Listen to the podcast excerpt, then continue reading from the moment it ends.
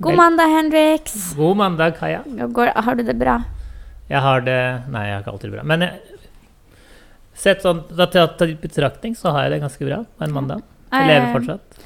Jeg er fortsatt forbanna, men i dag er det for helt andre grunner. Trenger ikke å gå inn på det heller. I dag har vi jo faktisk eh, med oss noen i studio. Ja. Skal jeg kanskje introdusere en? Ja.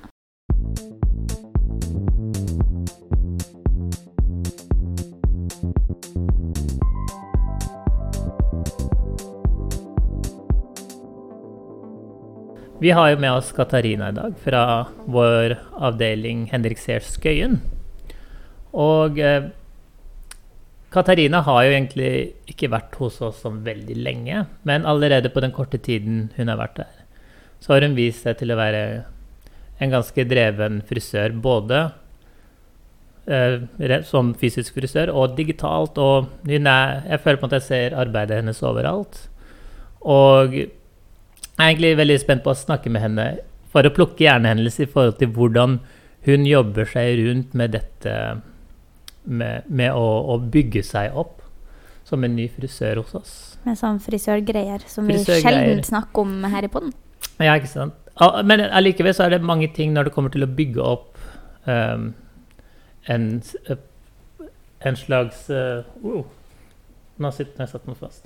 Men når man skal på en måte bygge sin egen um, sitt eget varemerke, så tenker jeg ofte det er veldig viktig å se hvordan folk gjør det. Fordi det, det fins alltid fellesnevnere uansett hvilken bransje man befinner seg i.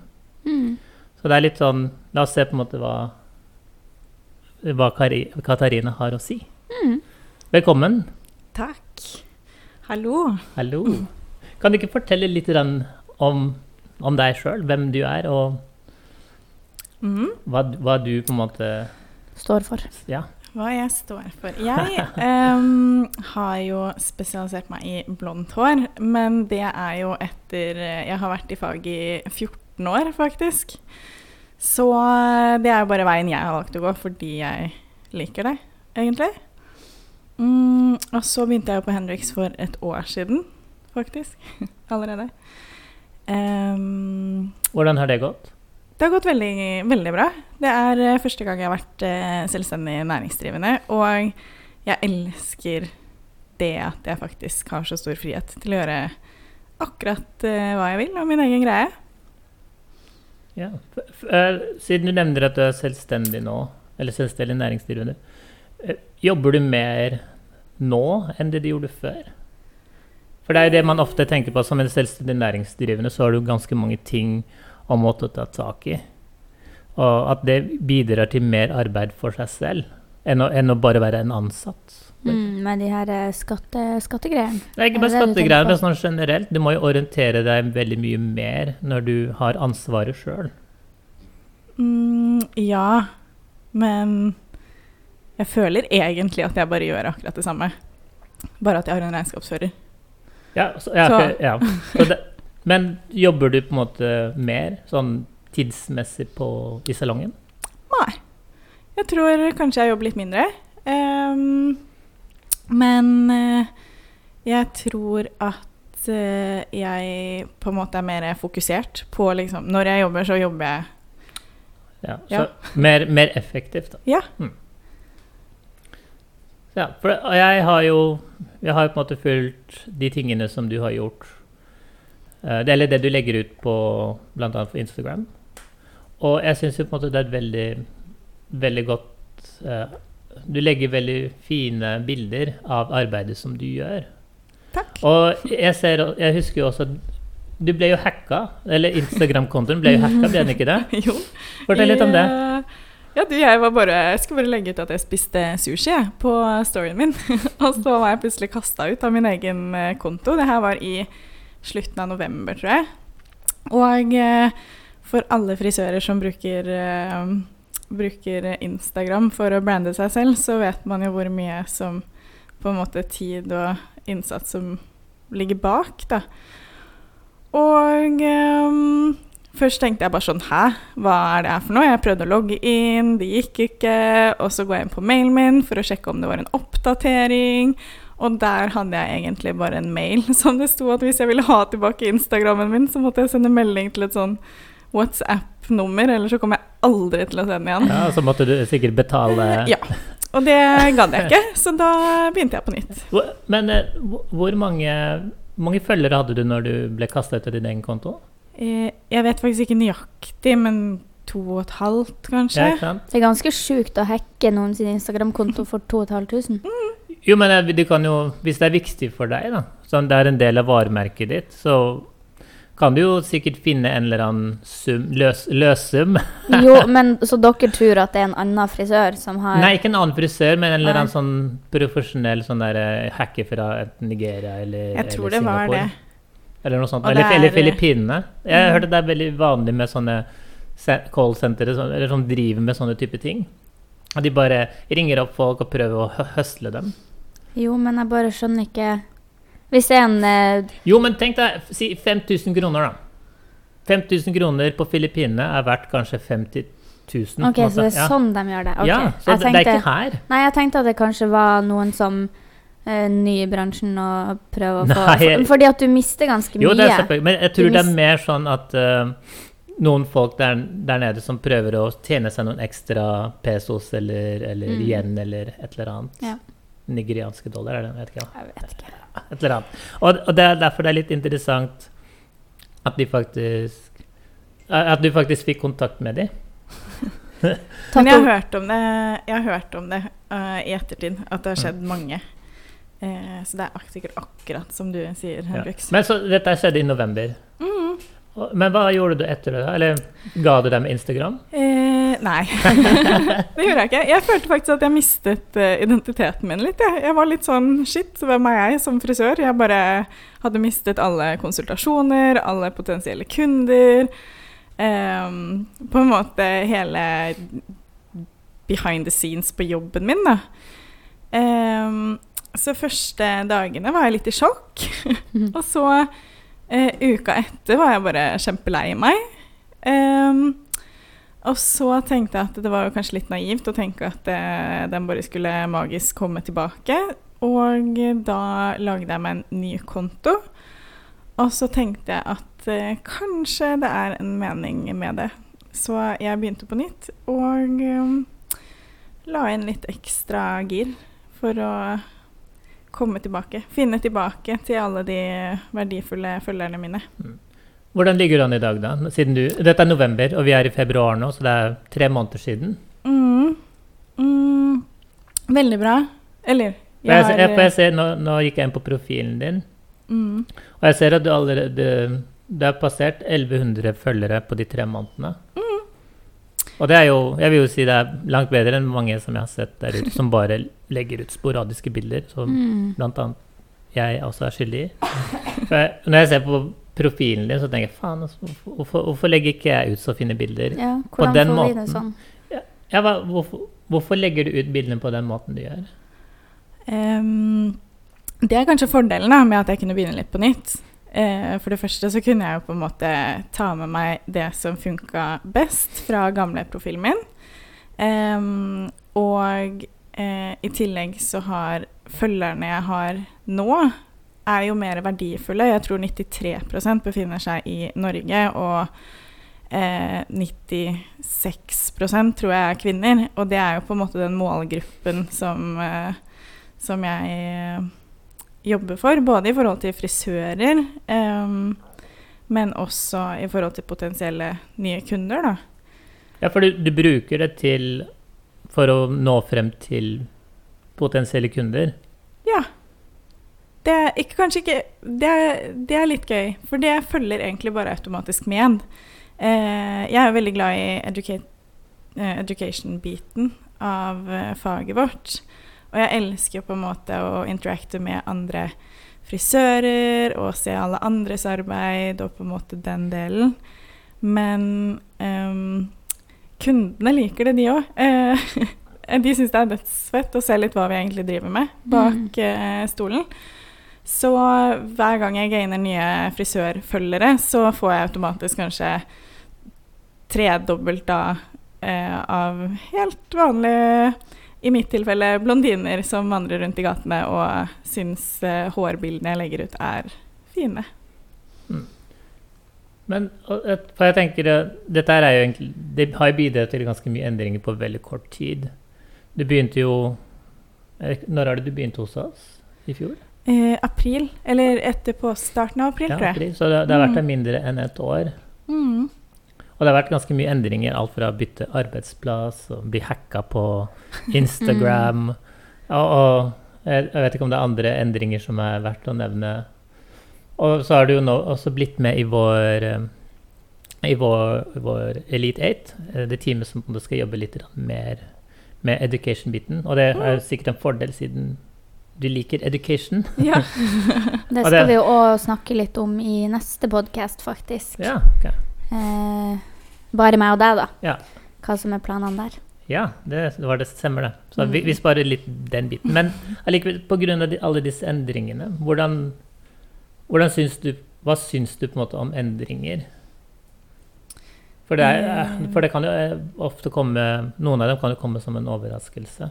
Og du nevnte litt sånn innledningsvis med dette med når du ble hacka, at det kanskje var en fin måte å starte på nytt på. Ja. Um, altså, jeg liker, jeg liker endringer, så lenge det er til det bedre. Um, men eh, man har jo ikke alltid kontroll over alle endringer som skjer i livet. Eh, men jeg føler at de fleste endringer kan brukes til noe positivt. Altså så er ikke redd Eh. for endringene. Nei, absolutt ikke. Og jeg tror alle de endringene som har skjedd spesifikt i år, da, har jo bare gjort meg jeg vet ikke, bedre, sterkere. What Mer doesn't kill fokusert. you makes you stronger. Ikke sant? Interessant. Nei, vi begynte jo nesten samtidig, og jeg vil jo si at man kan jo se forskjellen på min og din Instagram. Ganske, ganske stort. Ja, for det, hvis man faktisk så på dette Dere har jo på en måte to helt forskjellige tilnærminger til bruk av sosiale medier. Fordi du skal, kan jo ikke legge skjul på at du også, Kaja, når du begynte hos oss, så var, begynte du jo også fra scratch med din egen Instagram-konto. Mm. Og nå er det kanskje en litt annen eh, følgegruppe som du har, enn det Katarina har. Men du har også gjort din del av eh, Eller din tilnærming til å på en måte bygge opp en, en slags følgebase. Mm. Ja, og jeg jo Jeg tar jo veldig lite hårbilder nå når det er vinter, fordi at jeg får ikke det til. Vi har ikke like fint lys hos oss som dere har på Skøyen. Eh, men eh, jeg føler at jeg går mer og mer mot en, en pod. Instagram. Og Ja. jeg legger jo På, ut Podstagram? Ja, en podstagram. Eh, og jeg får jo Jeg har jo, får jo også mange kunder derifra. Mm. Det kan vi faktisk vurdere. Du vet, Vi har jo en egen IGTV på Instagram som vi bare kan kjøre han på, og så bare ta feeden fra dashbordet, eller fra den der miksebordet her. Vi kan- Vi kan teste det ut en dag. Mm. Det kan vi. Men jeg, jeg, og når det kommer til litt sånn for Hvis vi kunne lagd den podkasten både til Anchor, som vi bruker nå, og som en IGTV Det hadde vært egentlig litt tidsbesparende, fordi vi har jo alt, alle mange ting å gjøre, og det, ting tar jo veldig mye tid. Så jeg tenkte, for, for deg, Katarina, hvor mye tid bruker du egentlig på dette med og når du jobber på en måte med sosiale medier og bildene dine og videoene, sånn i løpet av en dag Ganske mye. Uh, men jeg føler på en måte ikke Altså, jeg bare føler at det er en del av hverdagen min. Så jeg føler på en måte ikke at det er sånn ekstra jobb. Um, kanskje Du vet, jeg, har, jeg bor på andre siden av byen, så jeg har ca. 40 minutter med bane og buss. Og det er sånn som jeg tenker er en fordel. Fordi da har jeg jo de 40 da ganger to, da. Så halvannen time jeg kan bruke på um, Instagram. Um, og så har jeg alarmer i løpet av dagen hvis jeg må, har noe jeg må legge ut, som jeg kanskje har gjort klart noen kvelder i forveien. Um, og så setter jeg ofte av litt tid til kunder for å ta bilder. og da både filmer jeg, og jeg tar bilder, og jeg eh, ta kanskje bilder underveis i prosessen, bare sånn at jeg kan bruke noe eh, som du også nevnte, Kaja, når f.eks. lyset suger, eller andre ting. Så jeg føler at Instagram for ja, tidsforbruket mitt er um, ganske høyt. Så, sånn timemessig to, ti, to, to timer om dagen? Tre timer? Mm, Jeg vet, jeg vet ikke. Eh, For det, dette kan du faktisk se på iPhonen din. Eller jeg regner med at du har iPhone. Ja. Det kan du, du kan faktisk se hvor mye tid du forbruker på de forskjellige plattformene. Eller, ja, det er, og, og det, er sånn, det, er litt, det er litt skummelt, for den forteller denne uken brukte du 13% mer Mm. på, på telefonen din. Mitt mål er alltid å få mindre. Mindre enn forrige uke. Da blir jeg fornøyd. Men eh, du kan ikke ha det hver eneste dag, for da går det jo mot tilnærmet null. Nei, nei. nei men forrige uke så brukte jeg 13% mindre. Ja. Eller denne uka brukte jeg så jeg neste uke så bruker du 26% mer. Nei, ja, kanskje. Kanskje. Det blir jo noe sånt. Ja. Så Men det hvor- lurer oss. Katarina, hvor lang tid setter du av ekstra til å ta bilder og filme og gjøre det du gjør på kundene? mm, det er ikke sikkert jeg på en måte setter av fysisk tid. Jeg har, eh, jeg har behandlinger som er eh, allerede tidssatt, men det er jo forskjellig hvor lang tid jeg bruker på behandlingene. Så når jeg vet jeg har kunder av meg som jeg kanskje bare bruker to timer og 50 minutter på, så lar jeg fortsatt behandlingen stå på f.eks. 3 15 time. Mm. Ehm, og det syns jeg er veldig greit. Og på slutten av dagen min er det Jeg sier alltid at jeg er ferdig klokka fem, og så kommer jeg hjem sånn åtte-halv ni. Så Å, det er samme som meg. Ja. Men blir du ofte forsinka med kunder? nei. Nei. For, for jeg tenkte Dette med tidsforbruket det, det er jo egentlig noe man velger Man må jo på en måte velge å sette av tid. Og det som ofte skjer, i hvert fall når eh, Dette skjer særlig på, på kvelden, sånn fra ti og utover, for min del. At jeg setter av tid til å skrive. For jeg, nå- har jeg nå er jeg tror jeg er på ellevte dagen nå på min eh, eh, 30 dagers blogg challenge. Og det er kun fra ti og utover jeg har tid til å drive og skrive. Ja, for din greie er jo litt mer at du skriver. Ja, for det, det hjelper meg med å klarne tankene mine. Mm. Og det, gjør- jeg, det, jeg skriver på en måte relevante ting i forhold til Som jeg mener kan tas i bruk, også, ikke bare av meg, men også av andre. For da, da kan jeg på en måte virkelig konseptualisere mer hva det betyr å gjøre disse tingene for meg. Og ja, forhåpentligvis så kan jeg også oppnå eh, si, en påvirkning på andre, slik at de ser verdien av å kanskje gjøre det samme. Og, og kanskje til og med vi kommer i dialog. At vi kan snakke om hei, hvordan, hva, hva mente du egentlig med å gjøre, når du gjorde den tingen der? For, for da kan vi begynne å jobbe med en, en mer en education basert mer på dialog.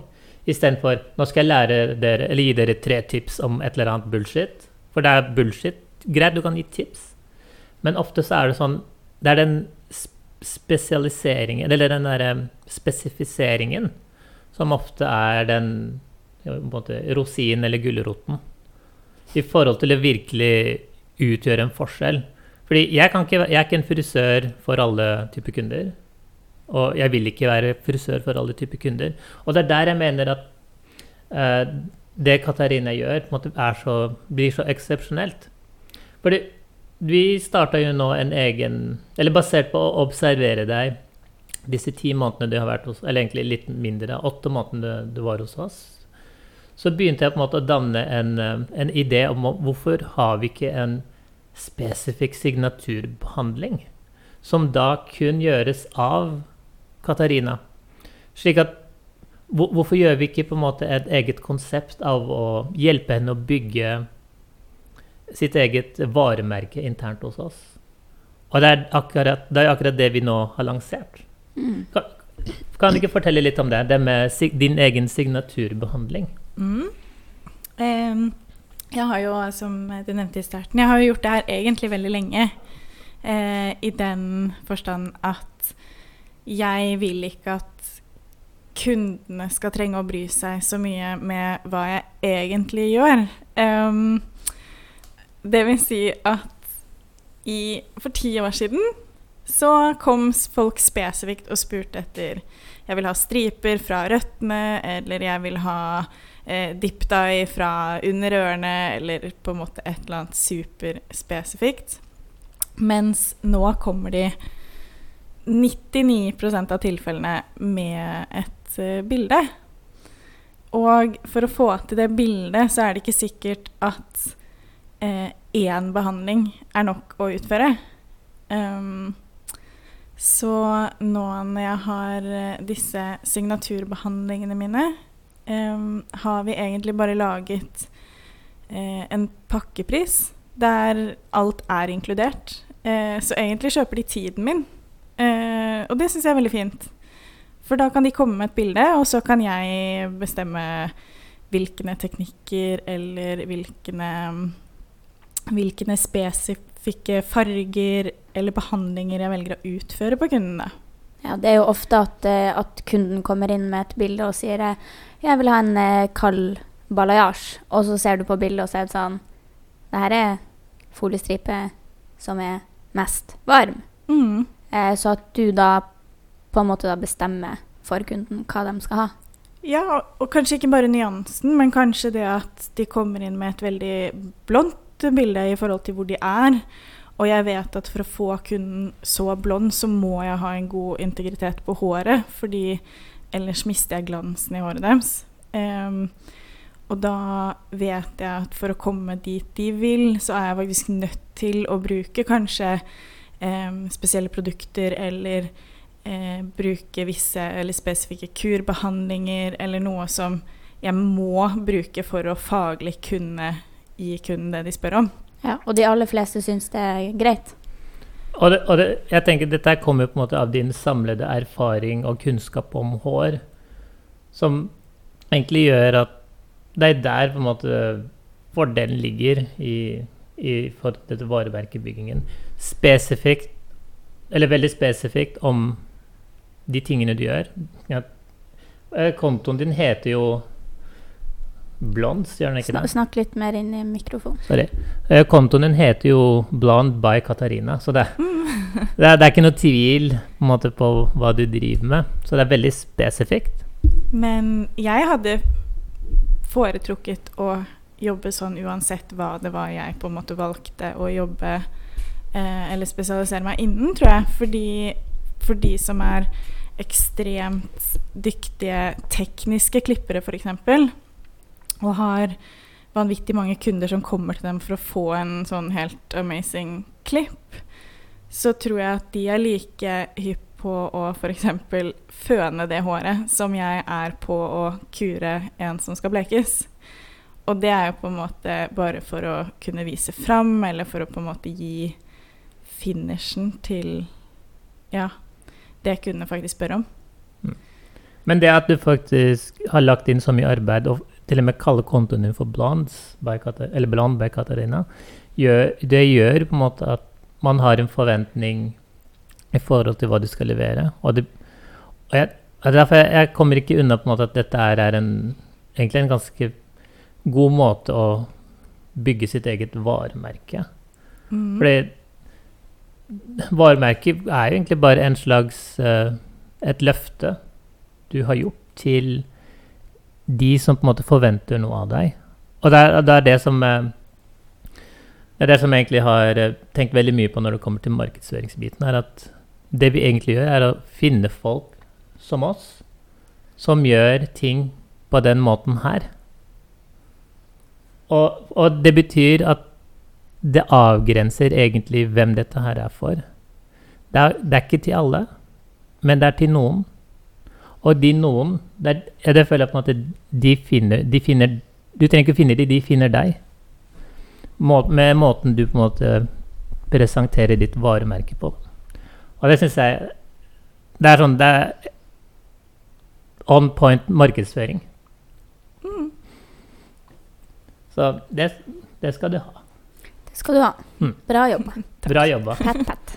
Og du vet, jeg, jeg driver jo ikke patter noen noen gang på, på skulderen eller Eller, eller ja, du vet. Ja, nei, det er på hodet, nei. Du er ikke sånn som driver og kysser oss i panna og sier 'godt jobba'. Nei, egentlig ikke sånn i det hele tatt. Nei, Om du- ikke annet så får du høre det hvis det er udugelig. Ja, det er akkurat det. Du, du sier aldri noe positivt. Nei. nei. Man kan gjøre vann om til vin, og fortsatt så sitter du Ja, men dette er Henriks 2.0. Ja.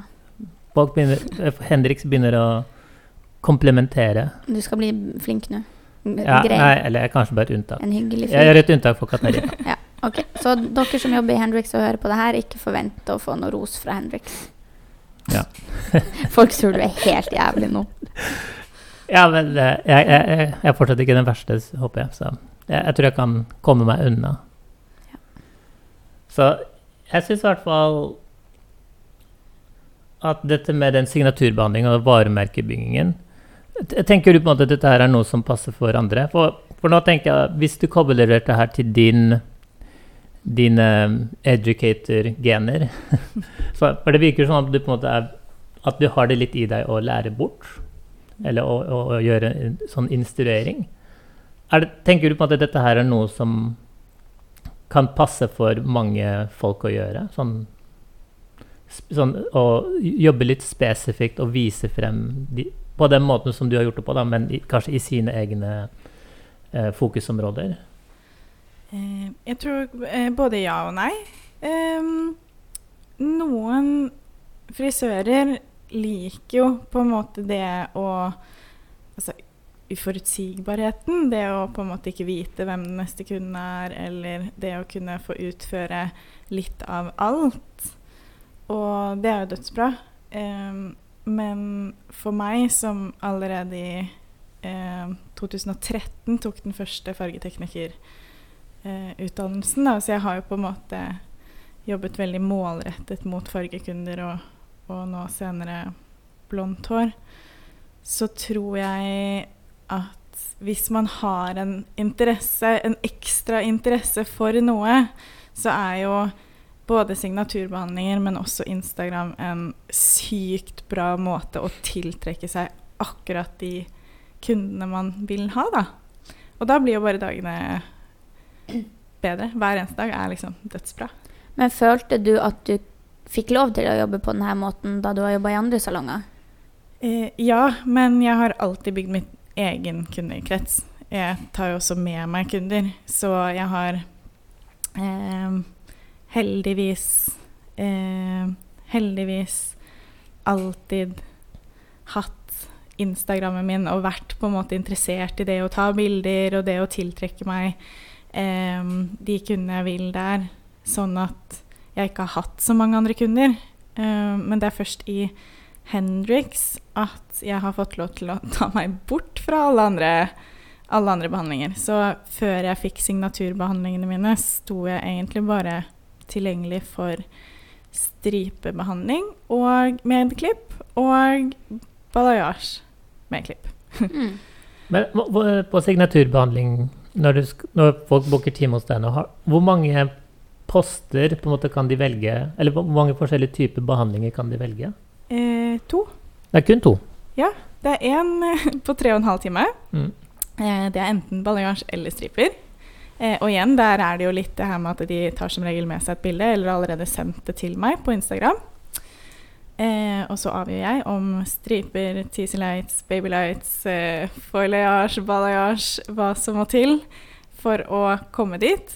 Um, og da inkluderer det eh, egentlig tre og en halv time for å komme nærmere det målet de ønsker, enten om det skjer i dag eller om det skjer etter, etter flere runder. Um, men det inkluderer kur, det inkluderer stuss, klipp, striper, balayage, whatever de vil ha.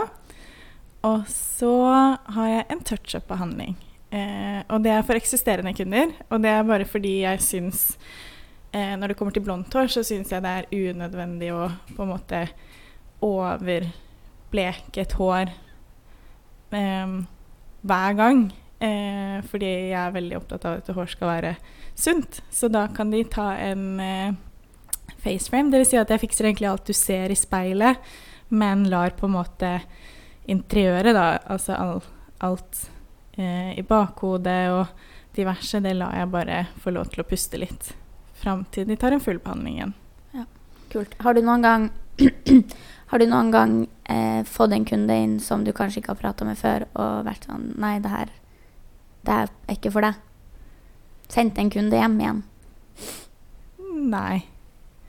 Det tror jeg ikke. Så alle som kommer til deg, har eh, blondt hår eller nødvendigheten for å få det.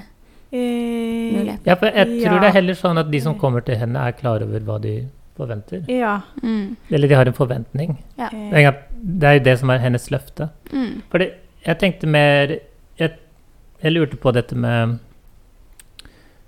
Dette er enda en endring i forhold til um, Som du på en måte har gjort i din um, Bare det å på en måte endre booking-delen din.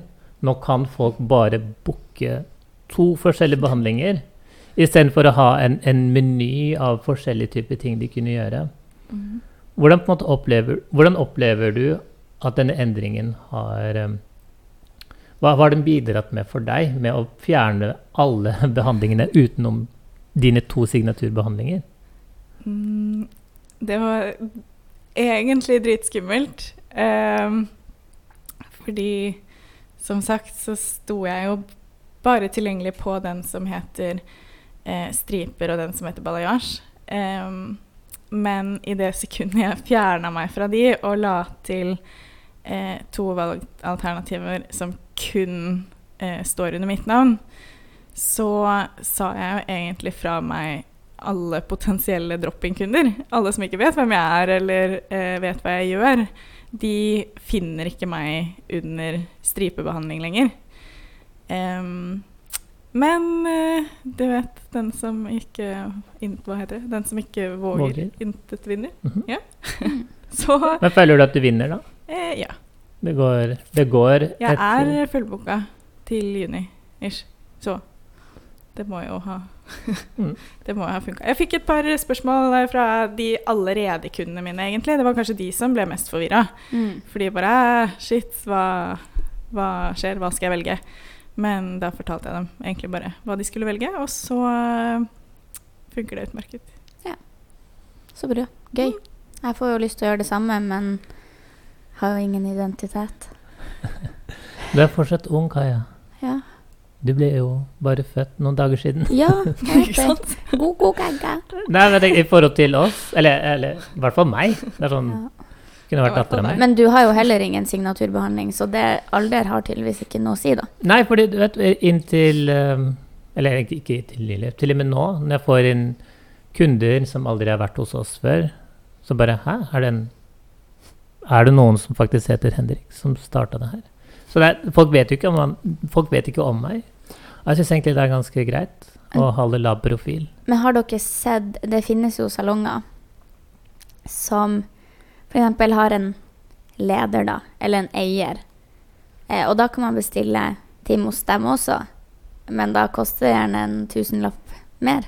Å ja. Har dere sett det? Det er sånn senior eller elite. Nei, for eller- de har eh, kanskje da lærling, juniorfrisør, Mm. eh, seniorfrisør og Stylist. Hendrix. Eller, eller, ja. ja, sånn Hendrix. Nei, for jeg når, jeg har, når jeg legger ut listene mine, så har jeg ikke noen annerledes priser enn de andre frisørene. Jeg har lik. For jeg, jeg ser ikke noe poeng i å ha en, en rangering på pris dersom ikke kunden på en måte egentlig velger å betale for det. Og det er, det, det er derfor jeg syns dette med signaturbehandling var, har vært uh, en veldig god idé. For da, nå lar vi på en måte markedet bestemme. For hvis, la, la oss si hvis dette her ikke hadde fungert da, for deg, da, for da hadde, ikke, da hadde jo ikke du fått inn noen kunder, fordi varemerket ditt ikke var sterkt nok til å kreve det, den, det du på en måte nå gjør. Mm. Og det er derfor Man må jo se det fra den siden også, at uansett hvor awesome du syns du er, så må også markedet synes det samme. Ja, hvis ingen andre syns det, så kommer du ikke så langt. Nei. Det blir- som det treet i skogen som faller. Ingen, hvis ingen er til stede og hører det, så, er det, så lager du lyd. Hvis du blir drept i skogen, så er det ingen som hører deg skrike. det også Takk. Takk. Vi får bare se når de ikke blir funnet eh, til sommeren. det er ikke sikkert det blir det. Ingen som blir å savne meg. Men, men eh, det skal jo faktisk sies at akkurat som du sier med med varemerket, og det at jeg bruker Instagrammen så på en måte målrettet Jeg får jo kanskje ikke drop-in-kunder eller tilfeldige kunder. De fleste er jo via min egen Instagram. Og jeg er jo ikke veldig tilgjengelig for så mange andre heller. Så jeg er jo avhengig av at min egen Min egen um, Hva skal man kalle det? Min Virksom. egen innsats. Innsats, Ja. Er på en måte on point. Fordi ellers er det jeg som taper på det.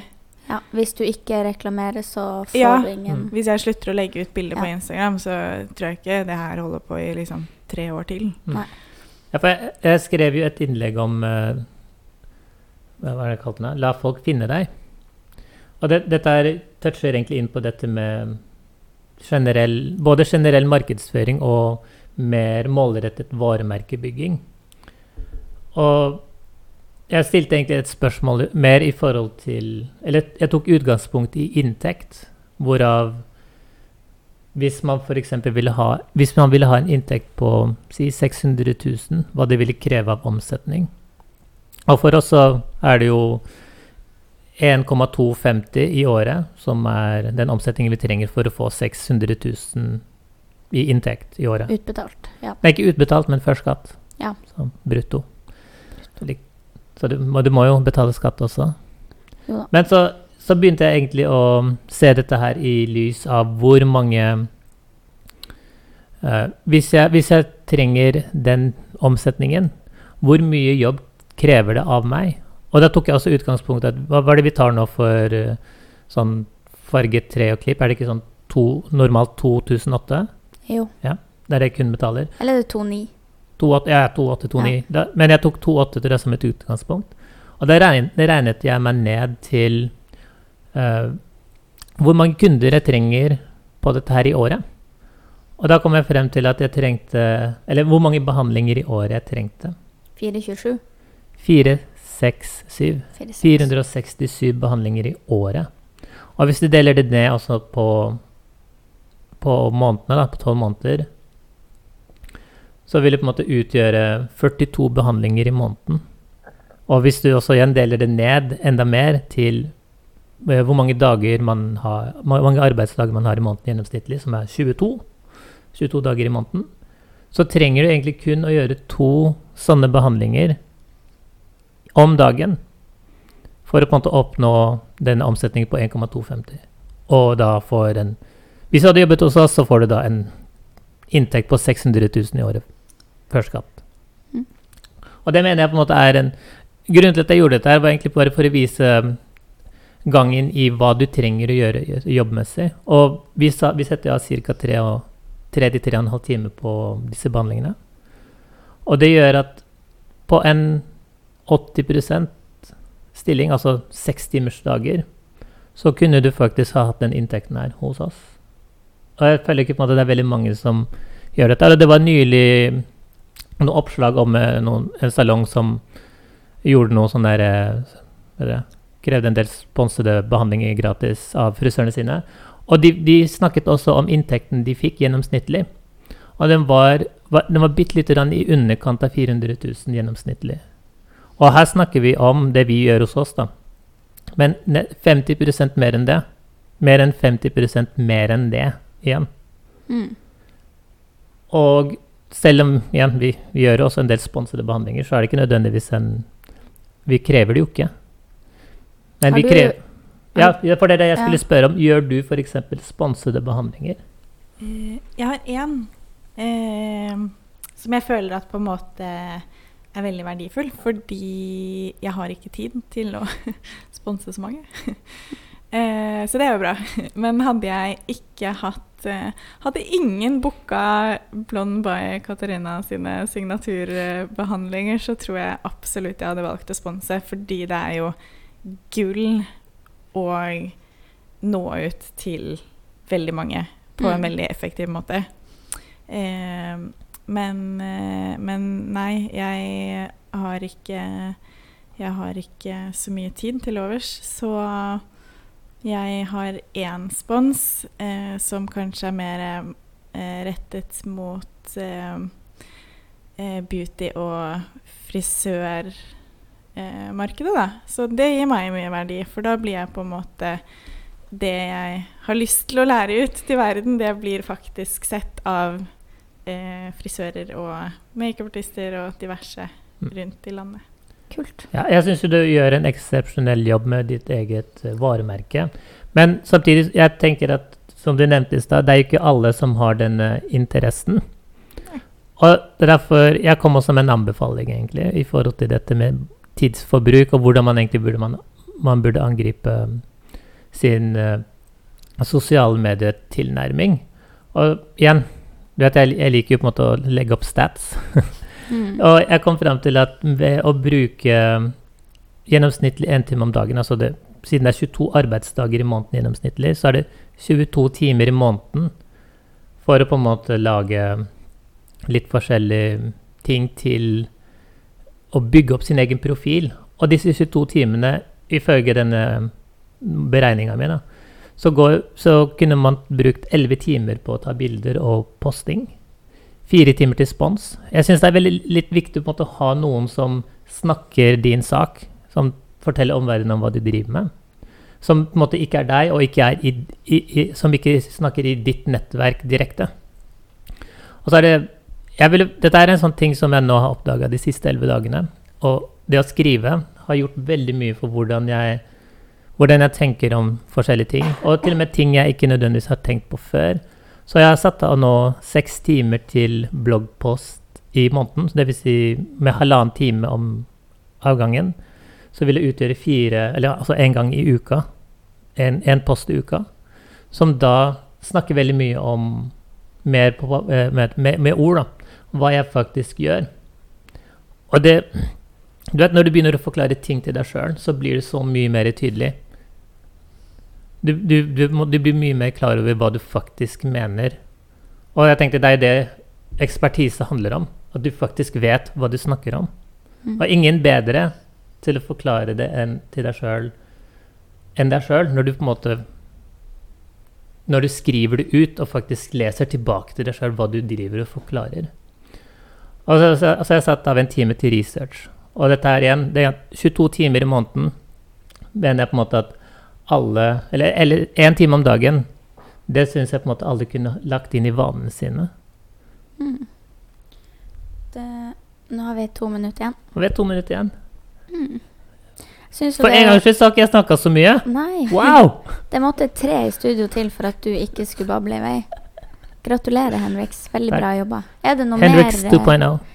Er det noe mer du har lyst til å tilføre, Katarina? Hva er ditt beste tips for uh, strebende frisører? Ah, Folk som står litt fast? Beste tips er å finne ut hva du faktisk liker med faget, uansett om det er education, farge, klipp, eh, permanent, whatever. Eh, dokumenter det i form av bilder og på en måte bare poste ut det. Fordi hvis du fyller Instagrammen din eller sosiale medieplattformen din med det du liker best, så er det mest sannsynlig også de kundene du tiltrekker deg.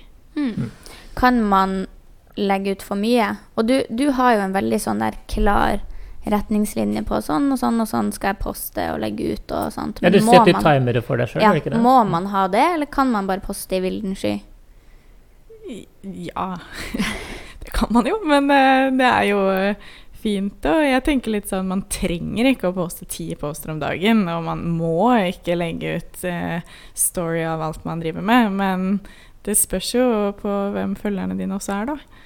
Og det er sikkert mange som elsker å følge, følge deg for alt det du legger ut. Men si en post en post i hvert fall annenhver dag, da, så har du iallfall noe for å holde oppmerksomheten uh, oppe. Ja. Mm. Jeg syns dette har vært veldig lærerikt å høre på hvordan du faktisk gjør det. Eller er noen som faktisk er litt Som har mer ekspertise på det enn to sånne tullinger som oss som sitter her med podden. Ja. Hvordan de faktisk angriper dette med sosiale medier.